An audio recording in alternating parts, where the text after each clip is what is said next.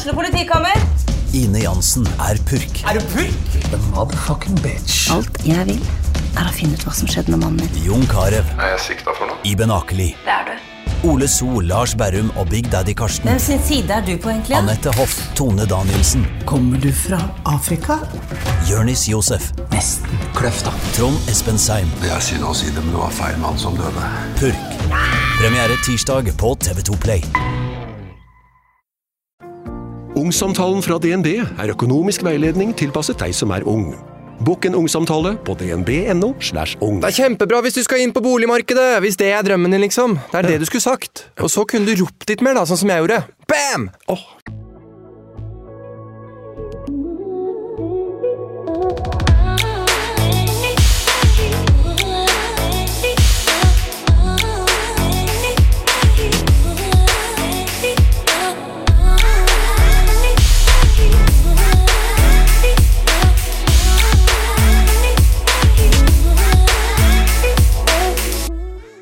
Denne måneden er tema penger og økonomi. Og jeg skal snakke med forskjellige mennesker om økonomi eh, i forskjellige former. Og forrige uke eh, fikk vi høre første del av Harald sin eh, historie. Harald lever av å svindle oss, kan jeg vel kanskje si. Og i dag er det klart for eh, del to.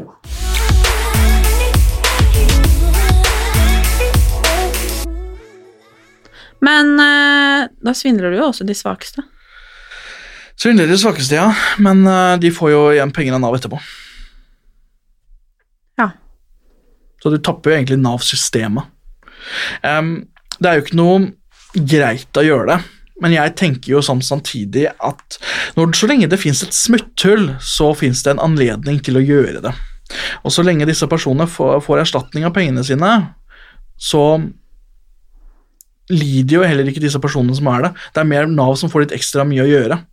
Og når jeg, kan, holdt på med dette her i så mange år, og kan fortsette med det og slutte med svindel av forbrukslån og sånne ting, gjøre det på en enkel måte Det eneste jeg trenger å gjøre, er å sende inn et eller ikke jeg, men dem sender inn et skjema med navn, fødselsnummer og kontonummeret sitt og en falsk underskrift, og så kommer pengene på konto. Når det er så enkelt å tappe 20 000 av hver av personene, så er det ganske godt gjort. Og det er kanskje opptil fem personer per måned, og da kan jeg dra inn over 120 000. Det er helt sjukt. Ja. Jeg sitter her og lurer på om, ja, igjen om jeg skal le eller gråte, og jeg skal jo være så ærlig med deg og si at jeg kan jo kjenne at jeg blir forbanna at jeg jobber rumpa meg, og så svindler du mine skattepenger. Ja. Ja. Men igjen, da, fordi du begynte jo med å si at du på en måte angrer, og, og at ja, at du angrer, da. Du egentlig er lei deg for det her, men allikevel så er det for fristende, da, eller? Det er mye penger, da. Ja, Det skjønner jeg. Det, det jeg. er litt sånn Enten eller. Ikke sant? Skal man leve et normalt liv og så slite veldig mye? For jeg tenker at Uansett så hadde jeg sikkert hatt en annen form for kriminalitet hvis jeg ikke hadde gjort det på den måten her. Og Jeg føler vel at jeg lever et ganske lovlydig liv, men det er litt sånn Nei, det vil jeg ikke si meg enig. Nei, men jeg føler jo, ikke sant, I forhold til hva andre som driver med vinningskriminalitet, så kommer det jo innbrudd, det kommer trusler, eh, mye knivstikking, så det er mye mer alvorlige ting i, f- etter vinningskriminaliteten. Men jeg stopper jo der, så det blir på en måte litt aksept. Jeg trenger penger, men det er jo ikke greit. Men trenger du 120 000 i måneden? Nei, men så blir det jo litt Se litt for deg ting, da. En person som har jobbet på oljeplattform, da, har kanskje 50-60 i måneden, da, kanskje. Og så, skal, og så mister han jobben. Og så kommer han på Nav og kanskje skal leve for 4000 i livsopphold. Jeg tror selv han ville slitt veldig med å holde seg til den livsoppholden der. Og sånn har det blitt for meg òg. Er at jeg må opprettholde min livsstatus for å føle at jeg har det bedre med meg sjøl. Og da tenker du liksom at det er ganske sjukt å tenke på den, tenk, å tenke å være så egoistisk. Ja, det kan jeg være helt enig i. Men det er jo sånn jeg er, det er sånn livet mitt er. Og det er jo det som liksom handler om å være helt ærlig, og fortelle litt om hvordan jeg lever. Og mange tenker sikkert når de hører dette her, den mannen der må jo inn. Han er jo ikke god. Eh, og så tenker jeg sånn Det er jo ikke kriminelt å, å ha en spesiell tankegang eller personlighet, men det er kanskje kriminelt det man gjør. Men hvis du skal stå på det strafferettslige, så gjør ikke jeg noe lovbrudd av å motta penger. Disse personene har fått en liste med navn og fødselsnumre. Disse sender inn skjemaene helt på egen hånd, uten press fra meg, og disse personene sender over penger til meg. Som en gjest på at de har fått 5000 kroner. Og det kan de bruke i tillegg til sin egen uføretrygd. Men får du uføretrygd eh, selv? Ja. Så får det i tillegg. Ja. Mm. Ja. ja, jeg tror jeg må drikke litt, jeg òg. ja. Wow. Tror du at du hadde slutta, da, hvis du hadde fått denne jobben på, i matbutikken, liksom, eller fått deg en leilighet, eller uh... Jeg tror det er litt sammensatt. Hadde jeg fått meg en samboer, hadde jeg fått meg en jobb, så måtte jeg gjort det. For jeg kunne ikke fortsatt sånn. Så det er kanskje litt sånn at jeg prøver å få noen til å redde meg inn. da. Si at ok, Harald, jeg satser på et liv sammen med deg, men da må du jobbe, du må slutte med dette med en gang, og så må du gi det. Hadde du gjort det for noen? Ja, det tror jeg. Fordi jeg føler at det, det må stoppe en gang. Men det må, jeg må bare ha hjelp til å, at noen står, står ved siden min da, og sier at ja, jeg vil satse på deg. Fordi jeg ser hvordan du egentlig er, at du vil egentlig ikke dette selv, men at du lever i en veldig ond sirkel. Men da må jeg bare spørre, Harald. For, at for meg så høres jo dette egentlig litt ut som at du egentlig mangler noen som er glad i deg. Ja, jeg har følt det sånn i mange år. Ja. Det har mer vært sånn at jeg har vært der for andre, men de har ikke vært der for meg. Og sånn har det vel blitt litt. Det blir litt sånn falsk kjærlighet, på en måte. Så du mangler egentlig en som har lyst til å dele livet sitt med deg? Ja, og er litt seriøs, kan man si. Eh, siste årene så har, har det bare blitt litt sånn one ligger ligge litt her, ligge litt der. Jeg har fått det ryktet på eh, Jeg fortalte jo på Snapchat at jeg hadde ligget med over 375 damer, liksom. Og det var ganske, fikk ganske overraska over det. Hvordan er det mulig? Eh, men det ble jo litt sånn at one og sånne ting ble kjærlighet for meg, da. Og da var det liksom sex som betydde alt. Men uh, jeg føler liksom ikke det store behovet der lenger nå. Men jeg har hatt behov for spenning og sånne ting, for jeg syns det er spennende der og da. Å møte nye personer, ha sex med dem, og så slutter man med det. Um, men jeg har alltid hatt det Jeg er veldig impulsiv, så jeg har alltid hatt det behovet for spenning. Det har jeg hatt. Og, men så er det jo Jeg tror seriøst at jeg kan ikke endre meg alene. Men jeg kan endre meg hvis noen faktisk har, ser hvordan jeg egentlig kan være. da. Jeg tenker at alle mennesker har gode, gode sider og negative sider. Um, de som bryr seg om meg, ser de positive sidene. De som vender meg ryggen, ser de negative.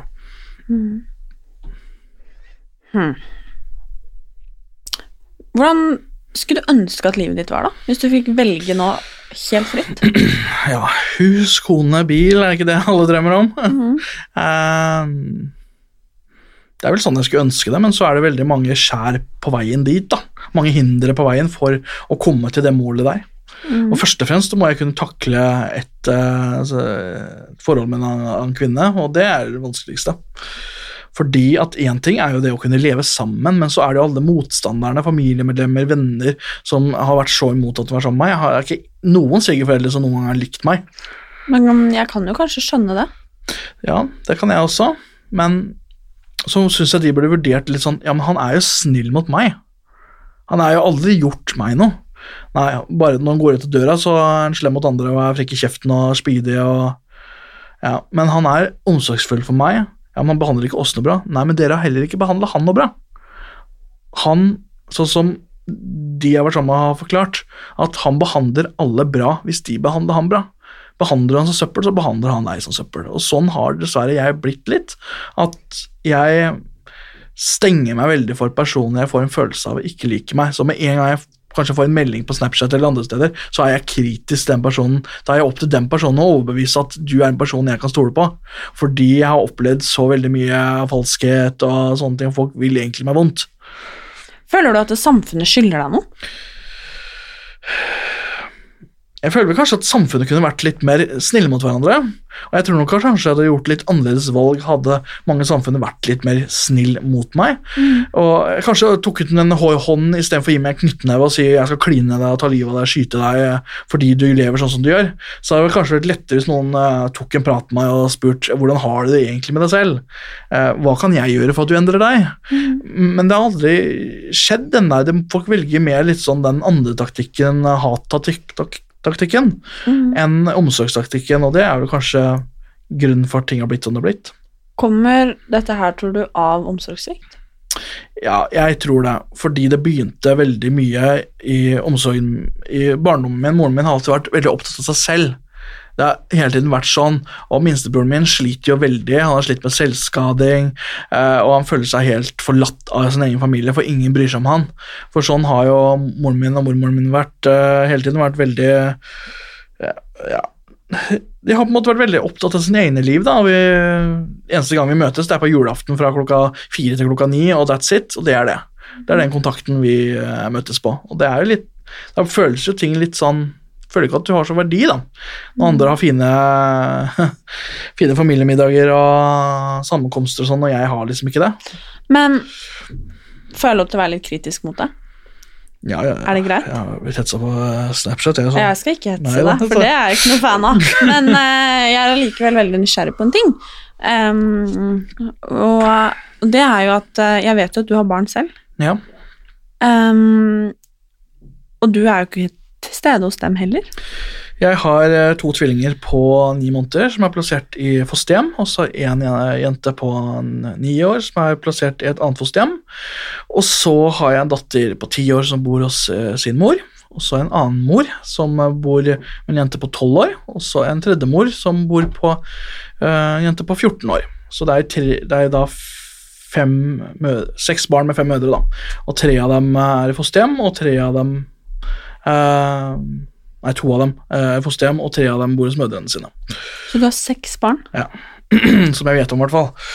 og du er knapt 30. Ja. Ja.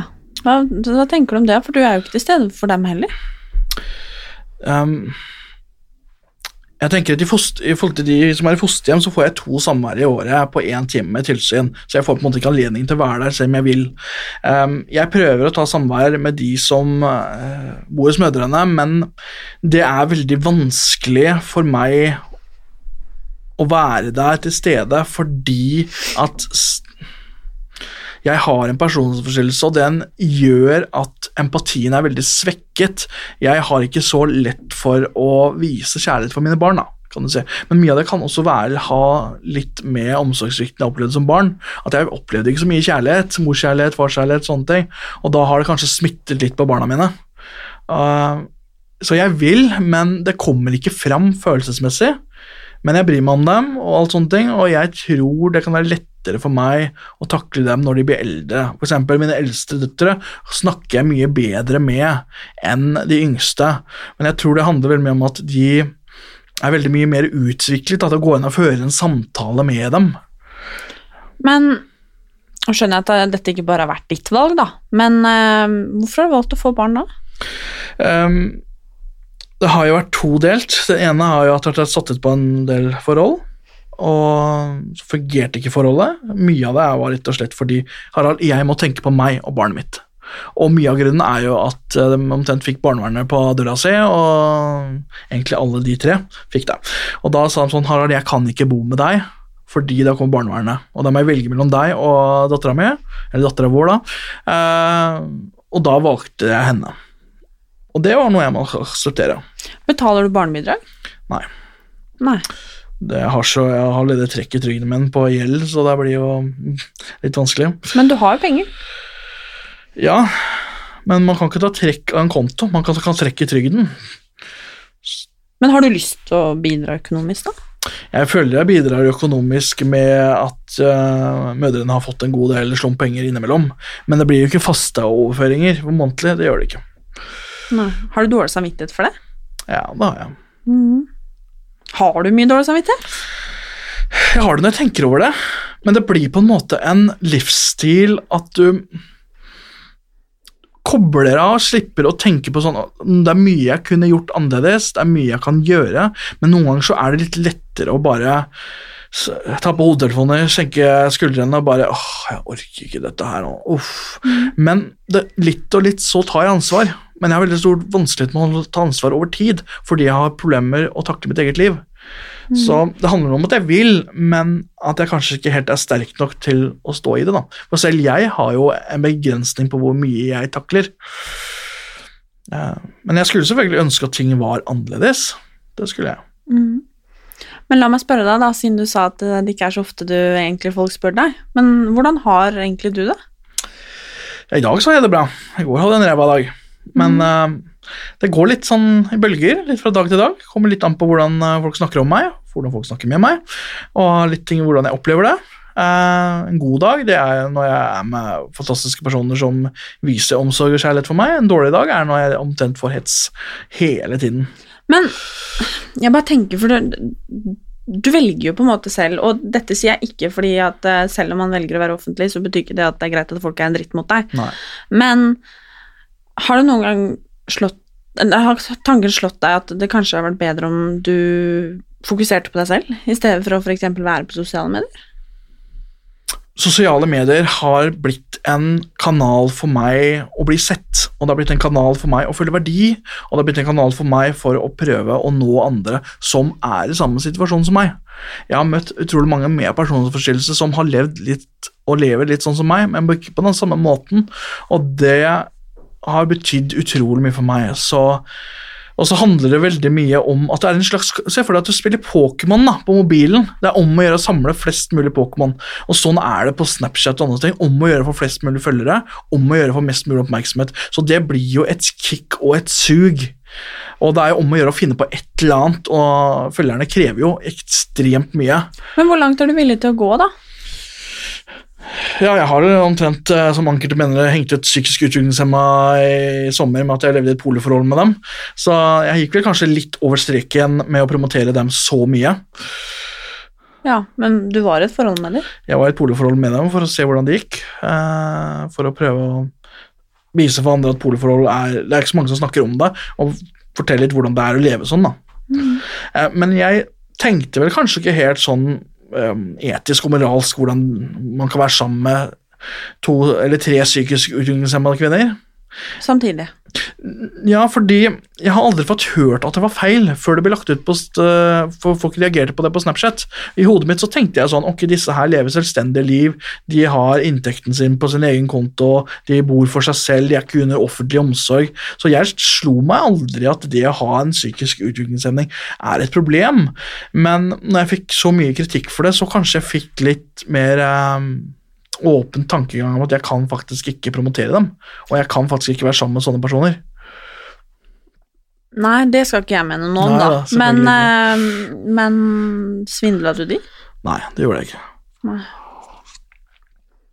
Hmm. Jeg har mange spørsmål, altså, Ja, Ja, det tviler jeg ikke på. Det må jeg si. Jeg uh, Det er litt vanskelig å sitte og prate med noe det er alt, det er, ikke alt, men det er veldig mye som er riv ruskende gærent, ikke sant? Det er mye som er gærent oppi huet mitt. Ja. Det skal... Nei, men altså, som er å ha handlingene dine. Uh, og allikevel mene at det er viktig at man prater om dette også. For jeg tror jo det er viktig å høre om Kall dette en skyggeside, da. Mm. Det er vel en side jeg prøver ikke å tenke så mye på. Og det er jo kanskje en side jeg prøver å si til de som er glad i meg, og som jeg møter. Og sier ikke se den siden. Ignorer den. Ja, men ser du den selv, Harald? Jeg ser den, men den har blitt en livsførsel. Det har blitt liksom, Du tenker ikke noe på det, pengene kommer automatisk på konto. Det blir liksom som at jeg må si opp et abonnement. At jeg må ringe disse her 'Nå slutter du'. Men det vil du jo ikke. Jeg er avhengig av penger. Det er det, det som er problemet, at det er livsførselen som må sluttes. Men helt ærlig, nå bare spør jeg av ren nysgjerrighet. Si, la oss ta 120 000 i måneden, da. Netto. Mm. Det er jævlig mye penger. Får... Jo, men for, for folk flest er det jævlig mye penger. Ja, Um, klarer du å bruke det opp? ja, uten tvil. Hvordan? Forrige måned så satt jeg med 20 000 kroner når pengene kom igjen, og da følte jeg at jeg hadde lite på konto. Men Se for deg at du bruker mellom 3000 og 4000 per dag, da. Da er det jævlig lite. Men, men hva bruker du pengene på? Det, altså, Bo på hotell Det måneden er koster hotell, jo ikke 100 000. reise, månedskort, eh, mat, drikke eh, Du er jo ikke opptatt av dyre klær eller noe sånt? Nei, det lever enkelt. Nei, det gjør du ikke. Nei, men ok, klær og sånn er det jo ikke, men hotell kan bli ganske dyrt i lengden. Jeg bruker jo kanskje På hver måned så kjøper jeg hotellopphold for kanskje 40 000. Men eh, tanken har ikke slått deg at du kanskje skal få deg et sted å bo? Jo, men da må jeg ha noe sted å bo med. Jeg klarer ikke å bo alene. Og så er det noen ganger enklere å bo på hotell, for da kan jeg reise fra by til by og møte ulike kvinner. Og da har det på en måte det blitt en livsførsel. Det har jo blitt eh, ja, alkohol, sex, eh, reise som har vært det viktigste for meg i Du lever som en rockestjerne, du. Ja, Men føler du deg som en rockestjerne? Jeg føler meg som en drittsekk innimellom. Det er litt, litt sånn det er blitt. At jeg ikke har kontroll på livet mitt i det hele tatt. Jeg gikk jo til behandling på TPS i forhold til personforstyrrelse. Og det var jo et par ganger han eh, psykologspesialisten jeg synes han var litt fantastisk å snakke med. Fordi han så meg veldig hvordan jeg var, og han, han så brukte ordene rett ut. Du har, ikke, du, har, du har ikke kontroll på livet ditt i helvete. Så, han ble litt overraska. Han sier jeg har jobbet som psykologspesialist i mange år, jeg har møtt så mange, men det er et eller annet med deg. Det er liksom noe Jeg har ikke sett det før. Og det tenker nok du sitter liksom samme tanken at fins et sånt menneske. Når en vanlig mann som sitter på trikken, tenker vel sikkert sånn i Oslo Han ser jo så normal ut, og så åpner man opp den kjeften min, og så Å, herregud, han skal ikke jeg være med på Facebook, i hvert fall. Jeg tenker mange tenker litt sånn at han er Jeg tror også det som gjør at kvinner liker meg, fordi jeg har en spesiell personlighet, og de syns det er veldig spennende. Så der har du kanskje svar på det spørsmålet du hadde tidligere. Hvem kvinner ville satset på et forhold med meg? Det er vel den kvinnen som har opplevd eh, en person som ikke er der for dem, og har opplevd utroskap, sånn som meg, har, eh, har lite penger, eh, og faktisk er litt sånn impulsiv og føler at livet er litt sånn vanskelig. Og hvem ville ikke på en måte eh, sagt sånn Jeg har lyst til å bli med meg på hotellopphold, så reiser vi på tur. Hvem hadde ikke sagt nei til det? Hvis du sitter hjemme og omtrent har mat på bordet. Bruker du det litt også til å få damer? Jeg føler ikke at jeg bruker det, men det er kanskje et tilbud de får der og da. At har du lyst til å bli med, som jeg pleier å, uh, å si der på Snap, sånn halla jenter, har du lyst til å bli med meg på eventyr? Og det er jo mange som på en måte tiltrekkes kanskje av det, av en, av en mann som har så mye selvtillit og er så trygg på seg selv. Men er du så trygg på deg selv? Nei, men jeg prøver å fremstille meg så bedre enn det jeg er. Når jeg lager videoblogging, så prøver jeg å fremstille meg som at jeg er verdens mest perfekte person som ikke har noen utfordringer, fordi da føler jeg meg bedre sjøl. Bare en tanke jeg sitter med.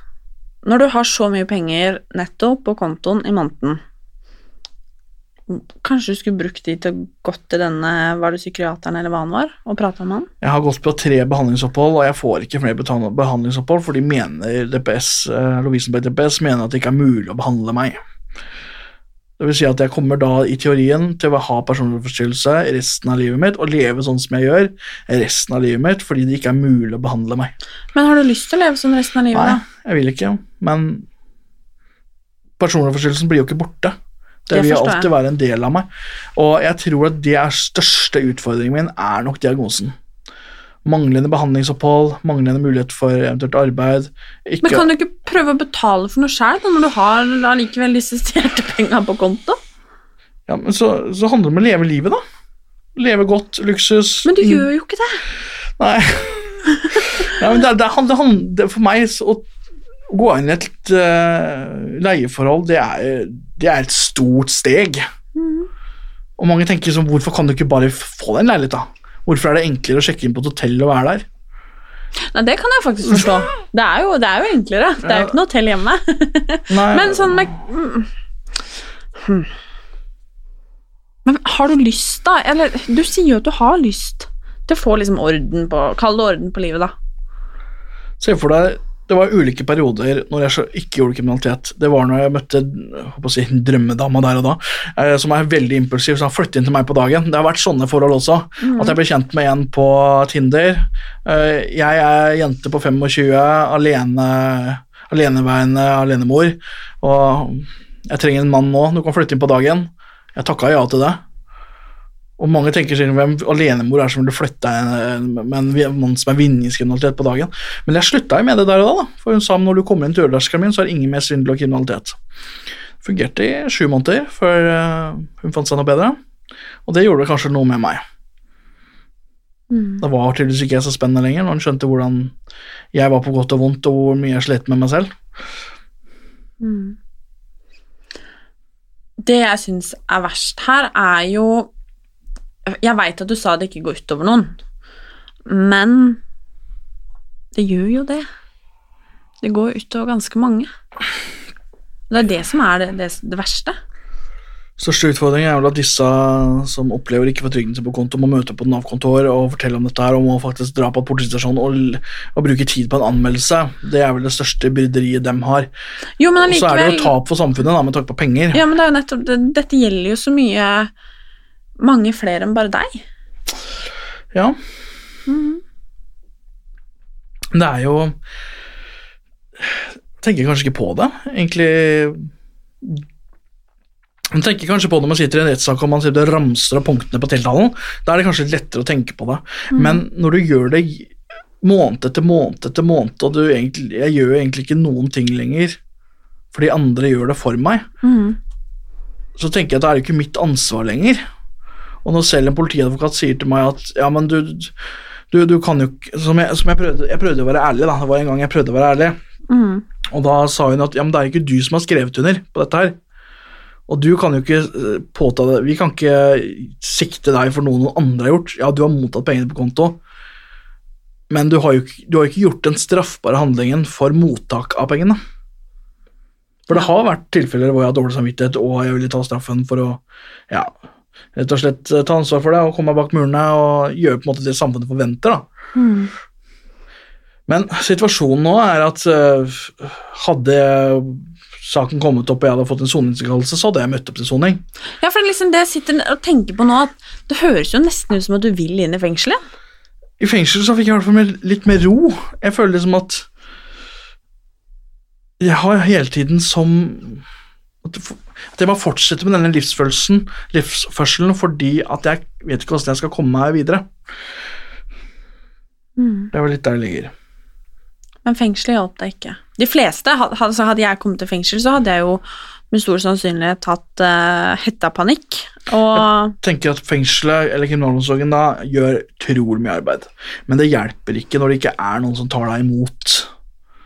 Når det ikke er noe ordentlig bolig, når det ikke er noe behandlingsopphold. Mange blir jo eh, løslatt ut av murene med en plastikkpose. Men hva Ok, nå spør jeg. Hva mener du at samfunnet, og si meg, da, som en del av samfunnet, kunne gjort for å hjelpe deg? Jeg tenker i hvert fall at eh, mange i samfunnet kunne vært litt mer eh, omsorgsfulle overfor personer som sliter, og kanskje eh, med kriminalitet og sånne ting, enn å bare gi, dem ryggen og eller vende dem ryggen og rett og slett være kald. da. Ok, du driver med det, du burde egentlig vært bak murene, og kanskje folk skulle slutte med alle disse fordommene. Selv om jeg forstår dem. Ja, for det var liksom det jeg skulle spørre om om du forstår det, fordi Hadde du ta, La oss ta et eksempel. Nå har du kommet med man, mange eksempler, så nå er det min tur. Ja, det er bare å kjøre på. Hvis jeg hadde Jeg vet ikke Gjort et eller annet kriminelt. Noe alvorlig. Had, hadde ikke du vendt meg i ryggen? Jeg tenker at jeg skal skyte en ting før jeg svarer på det spørsmålet der. På en episode av Blålys så valgte eh, visepolitimesteren i, eh, i Vest eh, politidistrikt å komme en ting. At det er ingen som er født kriminelle, og det er ingen som vil bli kriminelle. Og vi i politiets største jobb, det er å hindre kriminalitet. Og bekjempe kriminalitet og straffeforfølge. Mens hos førsteoppgaven, det er å tenke at ingen er født kriminelle, og at det er en grunn for det. Og jeg tenker at hvis du hadde gjort noe kriminelt, så skal man ikke vende deg i ryggen. Man skal prøve å finne ut hvorfor du gjør det, og prøve å hjelpe personen. Den graden av omsorg for personer som har gjort noe kriminelt, den er like dårlig som for personer som ruser seg. Og dette er litt sammensatt er at har du gjort noe kriminelt, så er du på lavest i samfunnet. Du skal fengsles, og du skal holdes der, tenker mange mennesker, og det er så mye hetsing og trakassering av personen som har gjort det. For at man skal få et bedre samfunn, så må man rett og slett prøve å bry seg om dem som gjør det, og prøve å Selv om det sitter langt inne, prøve å få dem til å endre seg. Man kan ikke få en person å endre seg med fordommer. Nei.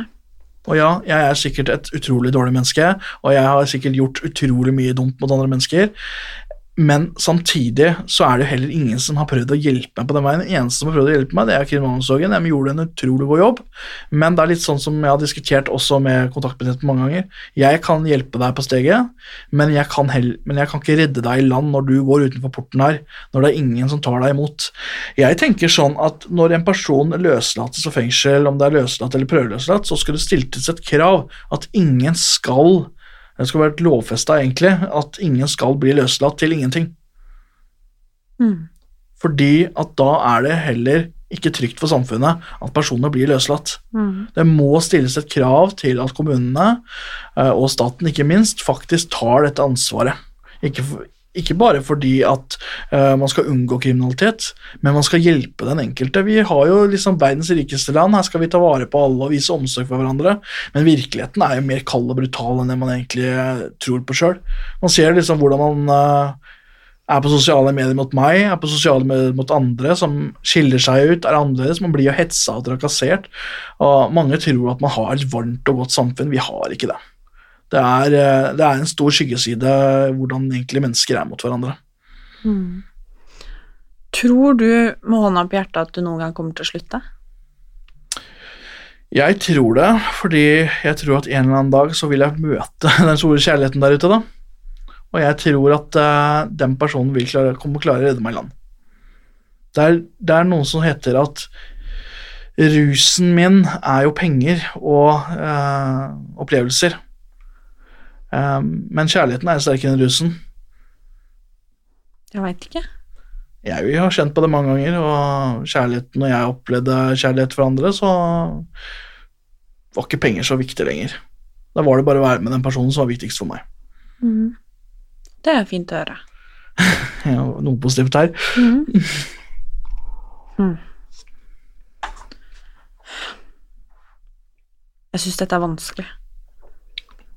For at det er veldig rart å sitte i et rom sånn som vi gjør nå, eh, og sitte og prate med deg, og hadde jeg truffet deg på gata, så hadde jeg jo bare sett på deg som en helt vanlig fyr, sikkert. Ja.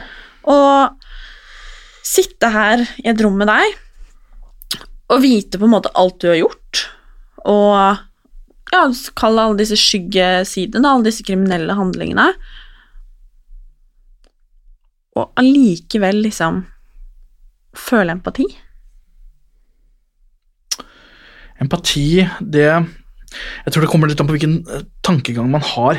Jeg tror mange mennesker kan kvitte seg med empatien ved å være selvsentrert. Mm. Har du empati?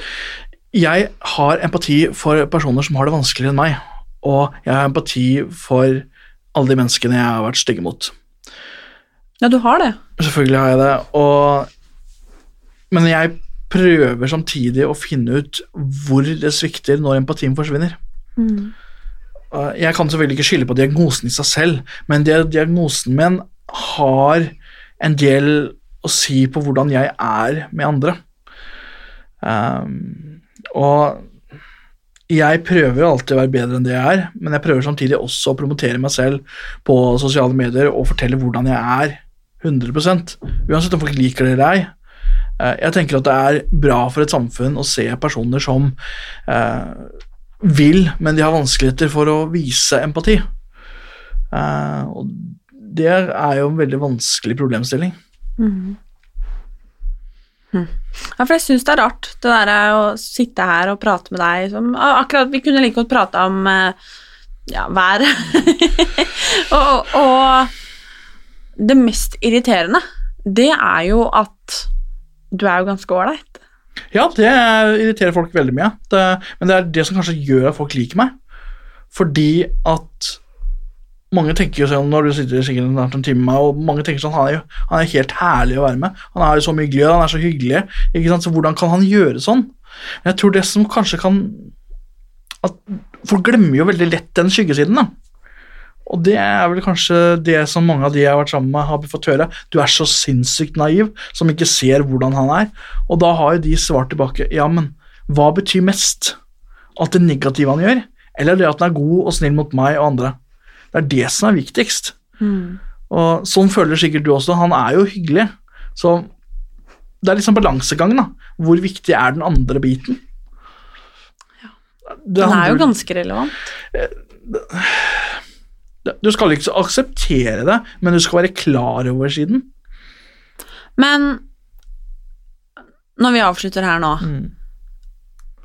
Da går du ut av døra, Ja. og så fortsetter du å svindle. Jeg gjør ikke det i daglig, da, men eh, Nei, men allikevel.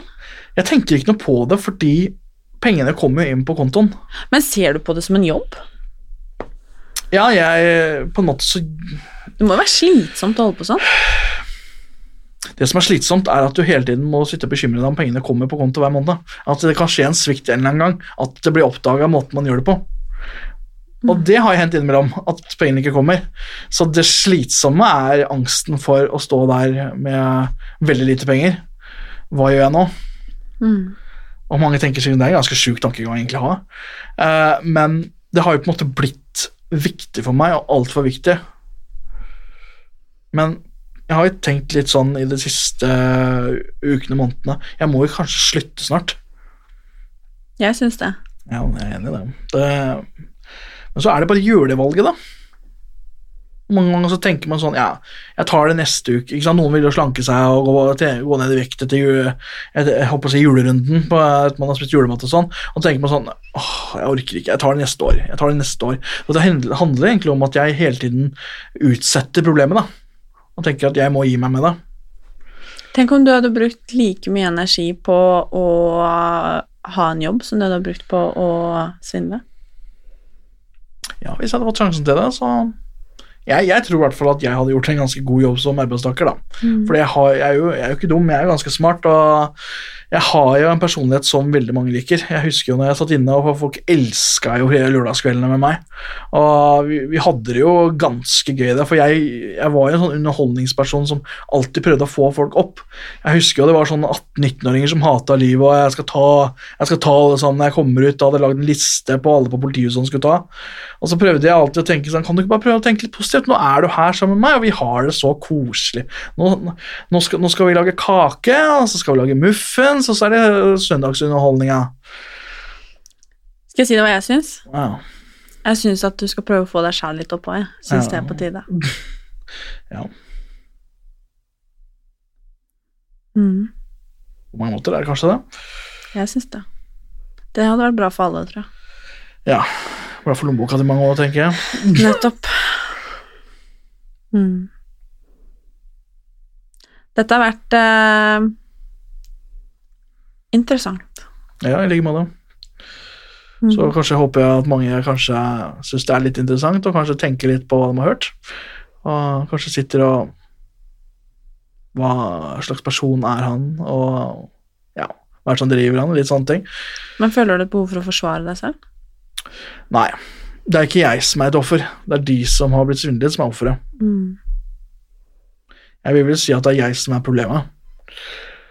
Eh, så jeg sitter med dårlig samvittighet overfor eh, det jeg gjør mot andre. Men så tenker du sikkert at hvis du har dårlig samvittighet, hvorfor gjør du ikke noe med det da? Det er kanskje ikke, kanskje ikke er sterk nok til å gjøre det, da. Den dårlige samvittigheten, hva er verst? Den dårlige samvittigheten, eller at man er egenfokusert? På at jeg vil ha penger, jeg vil ha det, jeg vil leve sånn. Mm. Så det er ikke lett. Det er det ikke. Det er ikke lett. Men uh, takk for at du ville komme og dele din historie. Ja, takk for at jeg fikk komme. Så uh, Jeg vet ikke hvordan man runder av etter en sånn her prat. Men Jeg håper jo at du går ut døra og snur deg den andre veien enn du kom. Ja, jeg håper jo det også. Mm. En dag så vil det vel sikkert skje. Det håper jeg. Tusen takk, Harald. Bare hyggelig.